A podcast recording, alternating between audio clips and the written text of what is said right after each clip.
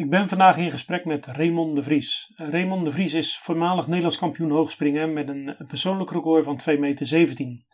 Na zijn sportieve carrière is hij doorgegaan in de atletiek en wel als atletenmanager. Zo begeleidde hij wereldsterren als Merlin Otti, Ben Johnson, Paul Ehring, Jobes Ondjeki en Billy Concella.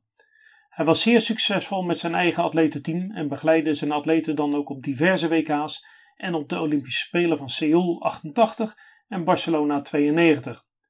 Raymond heeft de nodige avonturen beleefd en wil ons daar dan ook graag deelgenoot van maken. Ja, Raymond, we, hebben het zojuist over José Praia gehad en, uh, en de Russen en de Russinnen die bij jou in de, in de ploeg uh, kwamen uiteindelijk. Uh, maar ja, al die atleten zijn natuurlijk maar uiteindelijk op één doel willen ze afgaan en dat is goud op de Olympische Spelen. je hebt er een aantal meegemaakt, Olympische Spelen. wat is voor jou de waarde van de Olympische Spelen? Oh, dat is een, Hoe kijk jij er tegenaan? Een grote vraag. Ja. Wat heb jij meegemaakt? Nou, de, de waarde van de Olympische Spelen die is in mijn hoofd, in mijn hart, eigenlijk flink gedevalueerd door de jaren heen. Dat vind ik wel jammer hoor. Want uh, toen ik klein was, ik denk veel sportliefhebbers op jeugdige leeftijd, die vinden de, de Olympische Spelen, dat was natuurlijk de heilige graal. Hè? En uh, zeker in de atletiek, want die hadden toen nog geen wereldkampioenschappen en zo. Dus dat was echt uh, de grootste wedstrijd die er was. En daar keek de hele wereld naar. Is een van de weinige momenten per jaar dat atletiek de belangrijkste sport is, was. Dus uh, dat, dat, vond ik als kind. Ik heb daar verslond boeken over de Olympische Spelen. En toen ik, ik had toen ik zelf atletiek ging doen, op hoge leeftijd in verhouding, zeker was 16 toen ik begon. Toen dacht ik, uh, nou ja, droom je ook van een gouden medaille natuurlijk. Maar wat niemand mij verteld had, is dat je dan ook moet trainen. En dat was wel een beetje een klote streek. Want als ze me dat gewoon verteld hadden, had het heel anders gelopen. Nee, uh, en ik, in 76 toen was ik gewoon, uh, toen deed ik een paar jaar aan atletiek, maar toen was mijn focus helemaal niet. Ik had niet zo'n heilig doel van ik moet, uh, theoretisch denk ik nog steeds dat het een goede kans voor me was geweest, als ik gewoon getraind had de jaren daarvoor. Uh, en nu vindt iedereen mij een groot spreker, maar ik, heb wel, ik kan er wel, ik kan er wel wat, wat, wat argumenten voor aanvoeren, dat doe ik nu niet hoor. Maar later kreeg ik een soort herkansing door als manager naar de Olympische Spelen te kunnen. Het uh, eerste jaar, de eerste keer was Seoul in 88. Ik had uh, een aantal atleten die ik managede. Ik was relatief nieuw. Ik was in 87 begonnen met managen. En in 88 en in 87 had ik al iemand die wereldkampioen werd. Wat best wel een leuk begin is als, als je gaat managen. Billy Concella werd de wereldkampioen. En uh, in 92, uh, toen had ik een man of. Oh sorry, in 88 had ik een man of 5, 6 die wat kansjes hadden op de Olympische Spelen. En uh, toen, dat ging allemaal nog op de Bonnefoy. Op de Bonnefoy naar Seoul. Dat was wel grappig. Dus uh, niks geregeld. En toch regel daar wel wat. Niet, geen rekening mee gehouden dat alles in het Koreaans op de stond en dat ik toch niet zo goed Koreaans sprak. Dus dat was, maar het was wel een avontuur natuurlijk. En maar vooral door de sportieve successen. Ik was daar in het, met het entourage van, uh, of in het entourage van Ben Johnson, die daar Olympisch kampioen werd en toen weer niet. En uh, dat was, ja, ik kan me herinneren dat toen, de, toen de race begon, dus vlak voor de race, ja, de spanning was onvoorstelbaar. We dachten eigenlijk dat Ben geen kans had, omdat hij geblesseerd was geweest dat seizoen twee keer. En uh, hij liep niet zo fantastisch. Toen liep hij in de series en de halve en de kwartfinale ook als een, als een zak zand. Nou, zo verdreven, maar hij liep niet zo heel goed. Hij haalde net, kon net naar de finale. En, uh, Konden jullie trouwens bij die spelers dan ook terecht uh, op zo'n moment bij de Olympische Spelen? Want volgens mij is dat behoorlijk afgebakend. Dan, uh, Hoe bedoel je, op als, het moment? Als, als, tussen die halve finales nee, en toen nog helemaal kon je erbij? Toen nog helemaal niet, nee. Waren jullie... Nou nee, ze kwamen wel. Wij, wij, zaten, zoals Ben, zat in een hotel buiten. Die ging, die ging, die in ging het niet op het atletendorp nee, in. Nee, nee, nee, nee, is- die hadden eigen, eigen Ja, stek. ja. Toen al. Ja, dus ja, als je geld hebt, dan eh, ga je niet het atletendorp Nee. zitten. Er zijn ook die het heel leuk vinden. hè? Die dat de, Die de, ervaring is om op het Olympische dorp Ja. te zitten. ja. Maar dat was niet dus... Nee, maar... Dus jullie hadden gewoon dagelijks contact met elkaar. Ja, maar er zat natuurlijk ook tussen, ja, dat ook. Maar er, zat, er zit natuurlijk tussen de, de series en de, en, de, en de kwartfinale bijvoorbeeld, zitten vele uren. Ja. En dan gaan mensen uit het stadion uit en Ja. dan kan je ze wel zien. Maar dat is in, in 88 was het nog niet zo dat ik geaccrediteerd was of zo. Nee. En sommige mensen hadden accreditatie via een andere manier. Voor, voor journalisten die, of managers die ook journalisten accreditatie hadden of zo. Maar dat had ik niet. Ik was op de Bonnefoy naartoe gegaan. En ik wist me natuurlijk min of meer eh, beschermd door de Ben Johnson en het entourage. Dat was, eh, want dan gaan er veel deuren voor je open, zeg maar. Maar in ieder geval, ehm, ik had daar ehm, een aantal atleten. Eentje daarvan, dat viel, dat prestaties vielen tegen, althans. Ze werd weggelopen door Flojo. Eh, dat was jammer. En teleurstellend. Maar ik had een 800 meter loper. Die dat jaar was beginnen te managen. Die belde me aan het begin van het jaar op. En een heel verlegen stemmetje. Een Keniaanse jongen, Paul Reng. Echt heel veel. Ja meneer, eh, ik ben eh, Paul Reng en ik wil eh, gaan... ik wil profatleet worden. En nou, van alles gevraagd. En hij had een hele aparte combinatie van heel bescheiden. Maar als ik vroeg naar zijn prestaties, dan zei hij van ja, hij had tijd gelopen. Ik zei, dat was niet zo'n spectaculaire tijd, eigenlijk niet zo'n goede tijd. Dus ja jongen, wordt lastig om dan in Europa wedstrijden te lopen. Ja, maar ik kan wel beter, want ik kan wel eh 1,43 lopen hoor. Eh 1,43, dat is wel heel hard jongen. Hij zei, ja, maar dat kan ik wel. En eh, dus dat, die combinatie van die bescheidenheid en dat zelfverzekerd, dat was heel, uitspreken van die 1,43, Ja, dat, was, heel bijzonder. Dat was heel bijzonder. ja. Dus, eh, Triggerde die jou dat? ja, ja, enorm. Ja. Dus, Ja. dus eh, ik ben een tijdje met zitten kletsen. Dus zeg ik, nou weet je wat, ik zal, eh, ik stuur je een kaartje. Ik stuur je een ticket voor een vliegtuig. En dan gaan we naar Zweden, een wedstrijd. En dan probeer ik je in die wedstrijd te krijgen. En dan zullen we zien of, of je je gaat managen ja of nee. Maar dan kan je in ieder geval naar Europa en vandaar naar Kenia. Want dat was het doel. Hij wilde naar huis voor de zomer. En zo, nou, dus, dank u wel meneer. Nou, ik, nou, hij kwam naar Zweden. Kreeg hem niet in de wedstrijd. Tot vijf minuten voor de wedstrijd.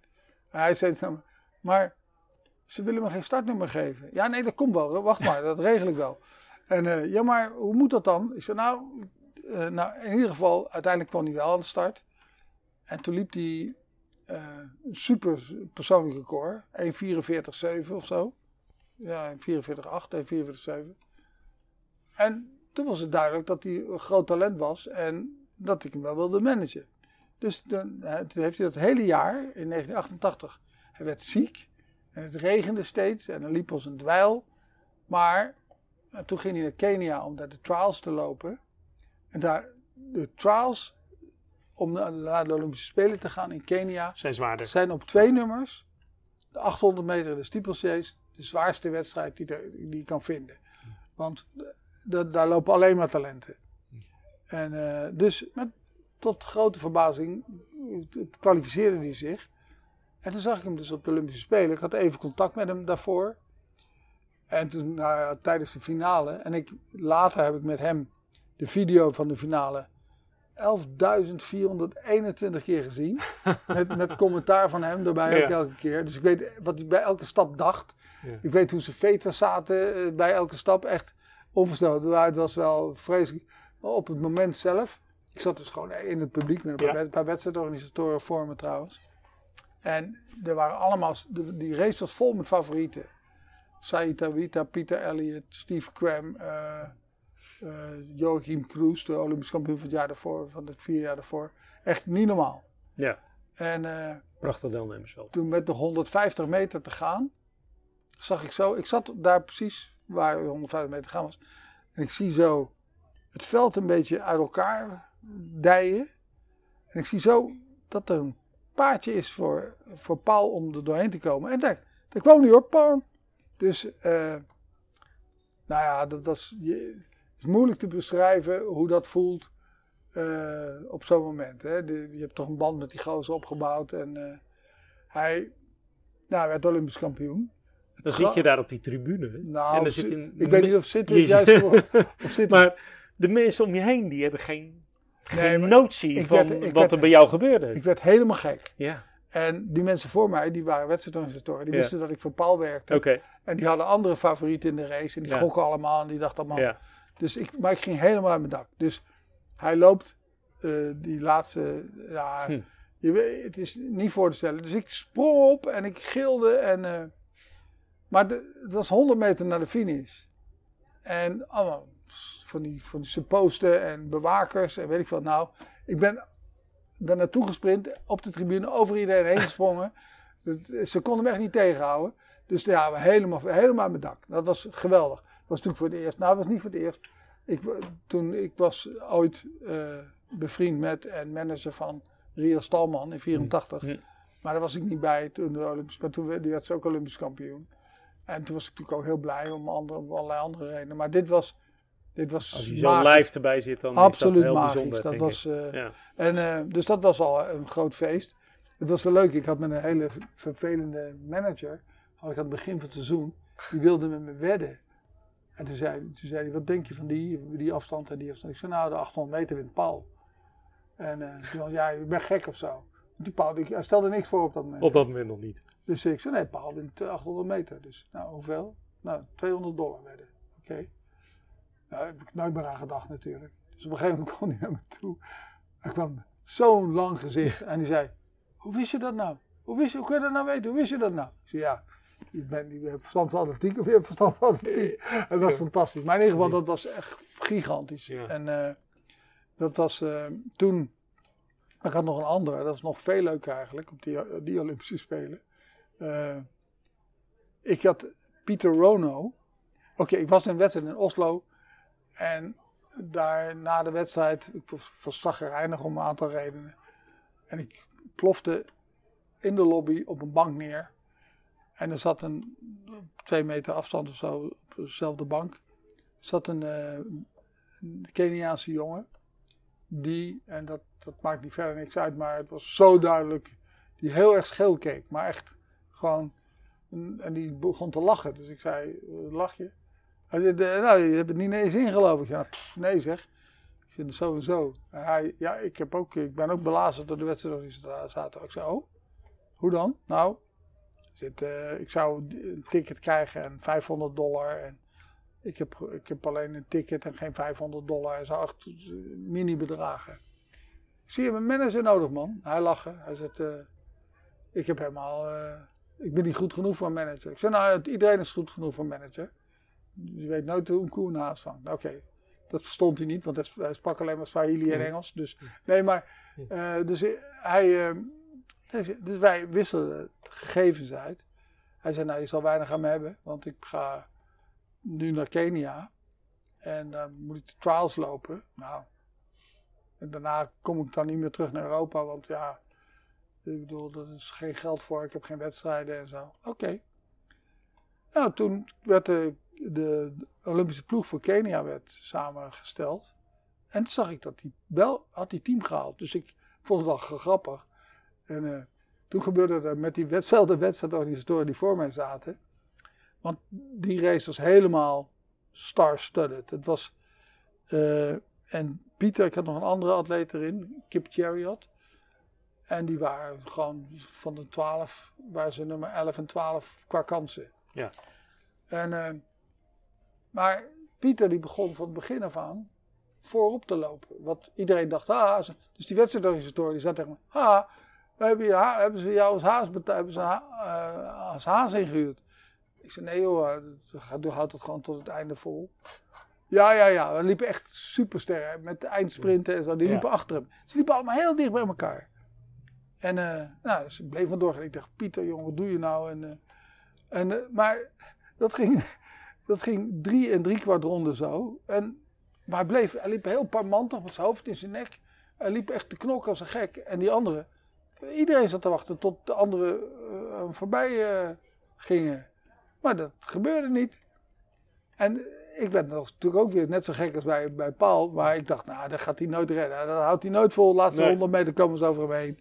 En, eh, en er werden ook veel grapjes gemaakt door die gasten die daar omheen zaten tegen mij. Van, nou ja, nou, zo, die moet aardig verdienen als ASO. En, dus, maar toen kwam, hij hield het gewoon vol. Het was echt onvoorstelbaar. Ik begrijp nog steeds niet. Ik heb die race nog vele malen gekeken. En ik weer overal die, al die me heen heen. Oh nee, over, over die gastjes en die. En die ja. Het was helemaal gek. Dus ik. ik eh, maar ik had die jongen echt misschien een kwartier gesproken in mijn hele leven. Hè? Ja. Dus, eh, dus ik, ik ging naartoe, ik zag hem. Hij stond daar bij de, bij de finish een beetje na te hijgen. En, eh, dus ik heb Pieter! Kijkt hij naar boven. Zo'n grote. Ja. Zegt hij, my manager! en dat was ook zo. Dat, Geweldig. dat zijn momenten die vergeet je echt niet meer. hè. Dat Nee, was echt, eh, precies. en die jongen die heb ik dus tot het eind van mijn carrière. Kunnen begeleiden. Ja, en eh, dat is de makkelijkste en liefste klant die ik eh, ooit gehad heb. Hij heeft goed verdiend. Eh, ik ging naar, ook niet zo spectaculair als je zou denken van een Olympisch kampioen, maar hij kreeg 10.000 dollar per race. Ja. Elke race. Hij kon, in alle races die hij wou lopen, kwam hij in. 10.000 En dan dollar. kwam die ook. Ik kreeg geen cent meer voor hem Nee. en geen cent minder ook. Dat was, nee. en dat was heel, hij heeft al zijn centjes netjes eh, in, de boerder, in de boerderij eh, Ja. eh, in, Ja. in Kenia gestoken. En hij was een super. Maar goed, die Olympische Spelen. Ja, als je dat van dichtbij meemaakt, zo de eerste keer. Ja. Waanzinnig. Dat is bijzonder. En toen in Barcelona was ik al meer. hoe heet dat? ge- ge- gearriveerd. Ja. En dan, toen zaten we allemaal. Maar toen gebeurde ineens iets met een hotel. Ja, nee, dat was wel grappig. want zoals ik net al zei, in een eh ander gesprek geloof ik. Ik bereidde nooit zoveel voor. Dus eh, toen kwamen we in- in Barcelona op de, tijdens de Olympische Spelen. Moet je eens proberen om een hotel te krijgen. Dus eh, ja, dat was niet zo handig. Maar wat was er nou gebeurd? Ze hadden een hotel gebouwd speciaal voor alle hoogwaardigheidsbekleders en de presidenten. En de, er komt heel veel van dat soort, eh, van dat soort tuig, wou ik zeggen, maar van dat soort lui naar, naar zo'n Olympische Spelen toe. En dat is een hotel gebouwd alleen voor dat soort hele hoge gasten. En het was niet op tijd af. Het Hotel Arts heette het, geloof ik. Niet arts van dokter, maar arts van kunst. Kunst. En eh, dat, het zou helemaal tegen duur zijn. Ik geloof 700, 800 dollar per kamer. Maar het was niet op tijd af, dus dat kon niet.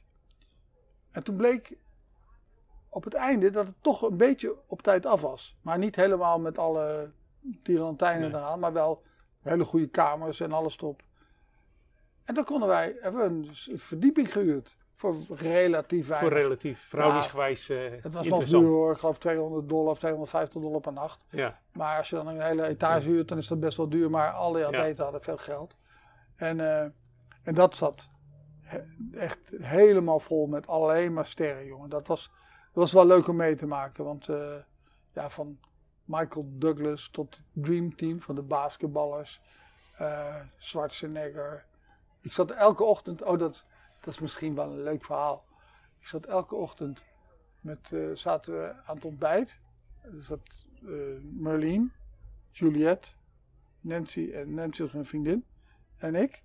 En de tafel daarna zat Boris Becker met zijn vrouw en volgens mij een kindje, maar ik weet niet meer zeker. Maar Boris Becker, is een van zijn favoriete sporten is atletiek. Ja. Merlin, die had maar één favoriete sport, was Wat? tennis. Ja. Buiten de atletiek. Boris Becker hield van donkere vrouwen. Dat had hij nog steeds. Dus elke ochtend zaten we aan het ontbijt en dan werd er gekeken zo. Maar ja, niemand, ja, Becker die kon Merlin niet aanspreken. Nee, want dan zijn vrouw zat tegenover zijn vrouw zou hem dan Ja, vermoord ja. hebben. Die kregen elke ochtend ruzie. Echt elke ochtend. Ik denk ook omdat, omdat hij te vaak naar Marlien keek of zo. Ja. En dat was heel erg grappig. Want eh, eh, ik, ik bedoel, ik heb nog een heleboel side stories, maar die ga ik nu niet vertellen. Maar de- Berlin keek ook tegen hem op. Nee, heel erg. Ze zaten, daar we Ja, aan te ja, kijken ja, en zo. Dat was, dat was heftig. Maar het, het hele hotel, jongen. En op toen, toen, maar het- wat, wat apart was om te zien, ja, dat heeft niks met atletiek te maken. Maar toen, eh, er waren echt heel veel sterren en presidenten en echt. En op een gegeven moment was er een geroezemoes in het hotel. En ik denk, wat is het, er, gebeurt iets, hè? Dus ik ging naar eh, een van die obers, of een van die mensen die daar werkten. Ik zei, joh, wat is aan de hand? Want het is zo'n... Hij zegt, Schwarzenegger komt, Schwarzenegger komt. Hm. Oh, dat was, die werd gezien als... Michael Jordan telde niet mee, eh, die Becker telde niet mee, Michael Douglas telde niet mee. Schwarzenegger was Schwarzenegger. het. En toen kwam Schwarzenegger het hotel binnen met zijn entourage. Nou, alsof daar... Je kon het gewoon voelen, die, die, die bewondering van iedereen. Het was niet normaal. Oké. Het was echt... Hij, die ster verbleekte iedereen bij. Ja, dat was wel ja, heel ja. apart. Dat vond ik wel. Het is trouwens helemaal niet zo'n grote vent als iedereen denkt. Nee, hij is kleiner, nee. kleiner dan ik. Ja, ja. Maar hij was qua ster Hij was de nummer één. onvoorstelbaar. op dat ja. moment. Ja, ik heb Ja. echt zelden zoiets gezien. Ja, want hoe, hoe zit dat eigenlijk? Eh, al die, die eh, celebrities die daar rondlopen en de atleten van jouw eh, team, Merlin Notti bijvoorbeeld. Wie keek nou tegen wie op? Leuk verhaal. Wie waren belangrijker? Dit is een leuk verhaal. Heeft even niks met Marlien te maken. Eh, ergens in het begin van mijn managerscarrière zit ik eh, in Hotel Madrid aan het ontbijt. Ik ben laat. En ik ben de laatste, ik zit er nog een beetje. Komt Edwin Moses binnen. En Edwin Moses had op die manier, op die dag nog, eh, een enorme streak. Die had geloof ik 67 wedst- 76 of 100 wedstrijden achter elkaar gewonnen. Klopt. Hij was een, eh, een legende in de vier, op de 400 hoorden. En eh, dus ik raak met hem in gesprek. Ik starstruck van, ik bedoel, als oud-atleet en manager, Edwin Moses, dat is het halfgod. Dus eh, ik vond het, hey, Edwin Moses praat met mij, weet je wel, zo, de vind je dat stoer. En eh, dus ik ben de hele tijd met hem te kletsen. En we hadden het over zijn streak en zo. Hij was heel aardig en hij vertelde dat hij toch wel, ik denk nou, wordt, ik weet niet hoe lang ik het nog volhoud, die streak en zo. En hij werd, die avond werd hij verslagen door Danny Harris. Waar ik toevallig, die ochtend ook met had zitten praten. Ik, ik weet niet hoe het kwam, maar dat was gewoon super toevallig. Enfin, s'avonds kom ik Mozes weer tegen in het hotel. En hij zei, ik zei het je toch. En dan een beetje babbelen en zo. Het was voor mij, de Mozes herkende me. Je, van, van vanochtend. Maar ik vond het heel. Enfin, jaren later ben ik in Monaco in een, op een wedstrijd.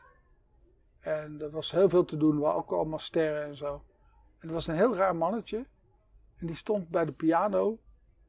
Er was een, in de, was een eh, pianist die allemaal een beetje van van die lounge dingen speelde. Er stond een heel raar mannetje zich heel erg uit te sloven. En aandacht te vragen. Is dat nou? Eikel. Of iedereen vond het, je zag ik, kijk, mensen kijken, wat een vervelend mannetje. En het was, bleek later, de man van Whitney Houston, Bobby Brown. En die was ook in het hotel. Maar zij kreeg alle aandacht over waar ze naartoe ging. Dan stonden er 50 mensen voor de toiletdeur om, om, eh, om het te zien en zo. Ja. Weet je wel. En, eh, en eh, als ze naar het zwembad ging, dan kon je, kon je niet meer boven op, op het dakterras. Want dan, en het was een duur hotel, dus het is niet zo dat, je, dat er heel veel mensen rondlopen. Maar echt ook niet normaal. Maar in ieder geval, dat mannetje, dat gaat tafel verderop zitten met, met, met iemand anders. En ik kijk zo, ik denk, hé, hey, dat is Edwin Moses. Dus eh, ja, ik denk, ja, ik had hem zes, zeven jaar daarvoor had ik hem gezien. En dus ik keek nog een keer, maar die, die Bobby Brown, die, die zelf ook een superster was in Amerika, die bleef aandacht zoeken en aandacht doen. Dus ik keek vaak. Op een gegeven moment zegt eh Edwin Moses tegen mij, wil je me niet meer kennen? Ik zei, ja, eh, natuurlijk wel. Echt, eh, ik was inmiddels iets wat minder starstruck, maar hij zei, kom erbij joh, kom erbij. Dus toen ging die, eh, nou ja, vond het hartstikke leuk. Hij zei, ja, toen in Madrid, toen, eh, nou, oké, nou ja, goed, het was fijn, maar een eh, noemenswaardige, belangrijke dag, dus misschien kan, daar kan ik wel iets bij voorstellen. Enfin, toen ging hij dus vertellen over wat je me net vroeg, over als, of, hoe bekende mensen, Andere bekende mensen ja, hij zei, zien. Hij zei bijvoorbeeld, hij werd een keer vol gêne aangesproken door, eh, hoe heet die fuck, Phil Collins. Phil Collins. Phil Collins. Ja. En toen die kwam Phil, uit Phil Collins zei, ah, Edwin Moses. En Phil Collins dacht, huh? Dat, eh, die was ook zo van? Maar Phil Collins, die had kinderen en die spaarde, verzamelde handtekeningen. En hij kon nergens naartoe. En dan zei die kinderen, pap, neem je de handtekening van die, neem je de handtekening van die. En hij schaamde zich dood. Ja. Dan moest hij naar andere mensen die hij niet kende om een handtekening gaan vragen. Maar hij deed het wel. Dus, nou ja, dat was, toen vertelde dus de, de Edwin Moses ook dat, ze, dat hij zegt van, ja, ik ben een onwijze fan van je. En ik Ja, ben een onwijze fan van jou. En zo. Dat was, dus- Tegen elkaar. ja, eh. tegen elkaar. Dat ze dus. eh, hij, hij vertelde dat het vaak op vreemde manieren naar buiten kwam. Dan zit je te staren naar iemand en dan. En, maar het kan ook wel eens tegen je werken dat iemand niet weet wie je bent. Ja. En dan denk je van, oh, dat is, die kent mij wel. Want, en dan helemaal niet. Maar daar heb, ik toen met Edwin Moses eh, over zitten praten. Ook onder andere met dat Bobby Brown, die, die ja, niemand kende hem. Dat, althans, eh, niemand Buiten- liet men, Nee. dat hem kende. Maar Edwin Moses had hem herkend. Dus hij vond dat heel zo. Dat is grappig hoe dat. Maar dat met die atleten, ja. Sommige mensen die, die zijn. eh, die ontstijgen hun sport. Hè. Zoals Ben Johnson, die ontsteeg zijn sport. Dat was. Die, dus als iemand die zag eh, voetballers die elkaar dan. Een bekende voetballer die Ben Johnson groette en andersom. En, eh, eh, dat was Merlin, ja, in Italië, in Japan. Ja, dat is onder de voet gelopen bijna. Ja. In Engeland wat minder, maar wat, wat ook een leuk fenomeen is. Zeker in Engeland, maar ook andere landen, handtekeningenjagers. Dus je hebt van, maar dan heb je ook veel van die wat oudere mensen. Die, kijk, overal ter wereld heb je kinderen die handtekeningen komen vragen, weet je wel. En dat is, ja, dat, dat doe je er een paar, krabbelen ze er een paar. Maar in Engeland heb je veel van die oudere mensen, die hebben dan zo'n plakboek, Die hebben een hele collectie. een hele collectie. En die weten precies Die, die en die is. zeggen van, oh, hier, dat is die, die wedstrijd van u. Met een foto erbij, kunt u hier even tekenen. Hier heb ik acht foto's, willen ze allemaal acht even tekenen. En dat Marlien wel eens gezegd van, eh, oh, dat is een mooie foto. Mag ik die? Nee.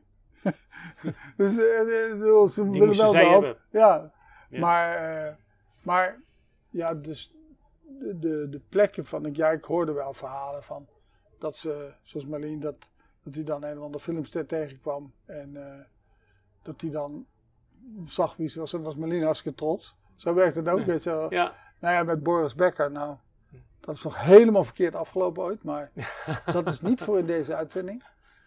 uitzending, podcast. precies. Nee, maar het is. eh eh, nou, ze, Schwarzenegger die probeerde wel eh Marlene en Nancy mee naar de kamer te krijgen. Dat was wel. Dat hebben ze giechelend afgeslagen. Oké. Dat was. eh, ik denk dat het een andere ster was geweest, dat ze het misschien Ander- wel. Je weet nooit hoe dat werkt natuurlijk, hè? Dus, Ja. eh, Mooi. Maar Barcelona. ja, en, Barcelona. eh, ja, Barcelona had ik eigenlijk ook veel, of veel, een aantal plussen en minnen natuurlijk. gouden ja, medailles. precies. En de Juliette heeft mij nog van de politiecel gered in Barcelona. Maar dat is een ander verhaal. Omdat ze twee zilveren medailles had, kon ze me uit de handen van de politie houden. Nee. Eh. Maar ja, Barcelona had ik best wel. Ook gouden medailles natuurlijk. Ja, ja, ja. Ja, maar hoe beleefde je die? Ten opzichte van vier jaar eerder? Anders, Was het hè? anders? Ik had wat Was je zelf ook al wat... Ja, ik had wat minder band met de mensen die goud haalden. Oké. Eh, kijk, Juliette en Merlin. Merlin won, of eh, Juliette won twee keer zilver. Ja. Wat voor haar geweldige prestatie geweldig. was. Ja. Eh, Mike Conley won goud met hinkstapspringen. Hm. Eh, die, die kogelstootster waarvan ik de naam helaas niet meer herinner. Hmm. Die won goud. En eh, de- veel zilveren en bronzen medailles. Winthrop Graham won zilver op de 400 hoorden. Maar ik had ook nog, dat is nog veel gekker. Ik had een Russische marathonloopster en een Keniaanse marathonloper. Die, die tweede die kende ik redelijk goed van, van heel veel andere contacten en zo. Maar ik had nog nooit wat voor hem gedaan. Maar hij zat bij mij, ik weet ook niet hoe dat precies gelopen is. En die werden allebei kampioen, Olympisch kampioen. Moet je weten, als je de, als je, moet je, weten, als je de Olympisch kampioen marathon, Marathon. hebt, allebei, Ja. dan valt veel geld aan te verdienen. ja, precies. Heel veel, maar ik heb nooit een wedstrijd voor ze geregeld. Ik was daar, dat is een heel vak apart joh. Dat is Ja. echt, Ja. dan moet je Jos Hermers voor eten. Dan, eh, Oké, dat is weer een andere, andere stijl dus. ja, het is, het is een andere- eh, andere tak van sport. Ja, road Echt. races en, Ja. en eh, marathons, ja. moet je. Daar moet je ook voor interesseren. Ik had, Ja. Volgens Ik mij halen wel die laatste medaille op. Dacht je? ik. Volgens mij halen die wel de laatste medaille op bij de Olympische Spelen. De, De laatste, ja. ja voor De mij laatste, wel. Ja, ja, ja. Ibrahim Hussein. Was dat. Ja, en die, die Dus- wordt als laatste gehuldigd volgens mij ook. Ja, de marathonloper. En dan gaan ze echt geld verdienen op, eh, op de marathon city marathons. Ja. Ja. Nee, maar ik, ik was niet zo goed. Maar, maar Olympische Spelen. Ik moet eerlijk zeggen, waarvoor ik begon te vertellen dat ik het een beetje. eh, dat ze gedevalueerd waren in mijn ogen. Ja, om allerlei redenen. Ja, ik ben blasé, denk ik. Dat zal, eh, ik ben oud. Dat heeft ook mee te maken. Maar eh, ja, zulke rare sporten zijn- komen erbij. En het wordt zo groot. En er wordt zoveel. Het is allemaal zo politiek ook en zo. Dat vind ik allemaal Hmm. veel minder leuk. Ja. Eh, ja, de, als jongetje heb je daar zo'n grote illusie van, oh mooi, eh, het is allemaal eerlijk. Nou ja, er is niks eerlijk op de Olympische Spelen. Ik bedoel, ik weet wie er allemaal sjoemelen en gesjoemeld hebben. En dat is ja, bijna iedereen. Dat maakt het ook wat minder fijn. Maar ook de, de magie is er wat in mijn ogen wel een beetje af. Het is, eh, ja, ik vind het wel jammer. Zeker als ik nou die, die wedstrijden van Power Ring bijvoorbeeld eh, herinner. Ja, dat is pure emotie. Dat is zo waanzinnig gaaf. Ja, ik heb het natuurlijk ook wel toen ik, ja, als ik Ellen van Lange zag winnen of zo. Dat, ja, dat zijn super gave Dat momenten. waren mooie momenten. En ik, heb, ik zie nog steeds wel eh, ja, van die zeldzame momentjes. Derek Redmond, was dat WK of Olympische Spelen volgens mij? Derek Redmond, die, die, zijn, eh, die zich blesseert. Die blesseerde met zijn vader. en dat zijn vader, ja. Ja, dat was de Olympische Als je Spelen. dan droog, Ja, als je ja, droog ja, houdt, dan ja, eh, precies. is er iets mis nee, hoor. nee, ja, precies. Ja, ik heb bijvoorbeeld een, eh, op de Olympische Spelen van 84, een jongen die ik ook begeleide. Toen nog niet hoor, maar die heb ik later begeleid. Burt Cameron. Mhm. Die liep in mijn ogen de beste 400 meter aller tijden daar. Daar. Die, die scheurde zijn hamstring op met nog 250 meter te gaan. Die hield in. Ja. En dacht toen, dat zei hij me later ook zo, fuck, this is the Olympic Games man.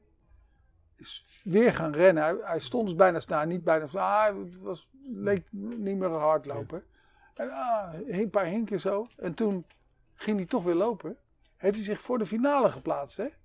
Met een supertijd. Ja, Ja, dat, bizar. ja, dat, eh, dat is de, de meest fantastische. Maar dat is ook de Olympische Spelen. Ja, Omdat precies. hij kreeg zo de adrenaline van ja, dat kan niet, kan niet stoppen. Ik moet doorlopen. En dan, hij liep 45-10 geloof ik. Dat is, Alsnog. ja, dat met een stop. Ja, met een stop, stop. En, een- en een gescheurde Ja, hamstring. ja, Hij kon de finale ook niet meer lopen. Maar dat zijn natuurlijk Olympische momenten die, ja, dat blijven. Ja, ik ben niet zo van de teamsporten. Ja, ik Mm. hou wel van voetbal, maar Mm. zoals de Nederlandse eh, volleyballers en zo, dat, dat, dat doet me weinig. Maar ja, Dat- individuele, dat is... ik eh, zit bij elke Olympische Spelen toch wel een paar keer te janken hoor, zo is het wel. Maar Ja. eh, dat zijn meer de individuele emoties van, van mensen en zo. Maar ik heb niet meer zo van, oh de Olympische Spelen. Dus, ja, vroeger keek ik alles, hield ik alles bij en zo, maar nee, dat is niet meer zo. Alhoewel, ik werd, eh, ik werd eigenlijk weer enthousiast over atletiek, want ik heb een hele tijd, was ik niet zo enthousiast toen ik geschorst was en zo. Maar toen, ik werd weer enthousiast toen Usain Bolt in beeld terugkwam. kwam. Dan heb ik ook nog even de illusie gehad dat hij, dat hij eh, eh, puur was. Maar die illusie heb ik ook niet meer. Helaas. Maar goed, het blijft, het blijft een leuk tij- tijdverdrijf, de Olympische Spelen. Sorry, ja, ik ben een beetje afgedwaald. Goed, wij, wij hebben de Olympische Spelen besproken, Raymond. Eh dankjewel wederom. En eh, wij eh, maken ons op voor de, voor de volgende aflevering. Dank je. Oké.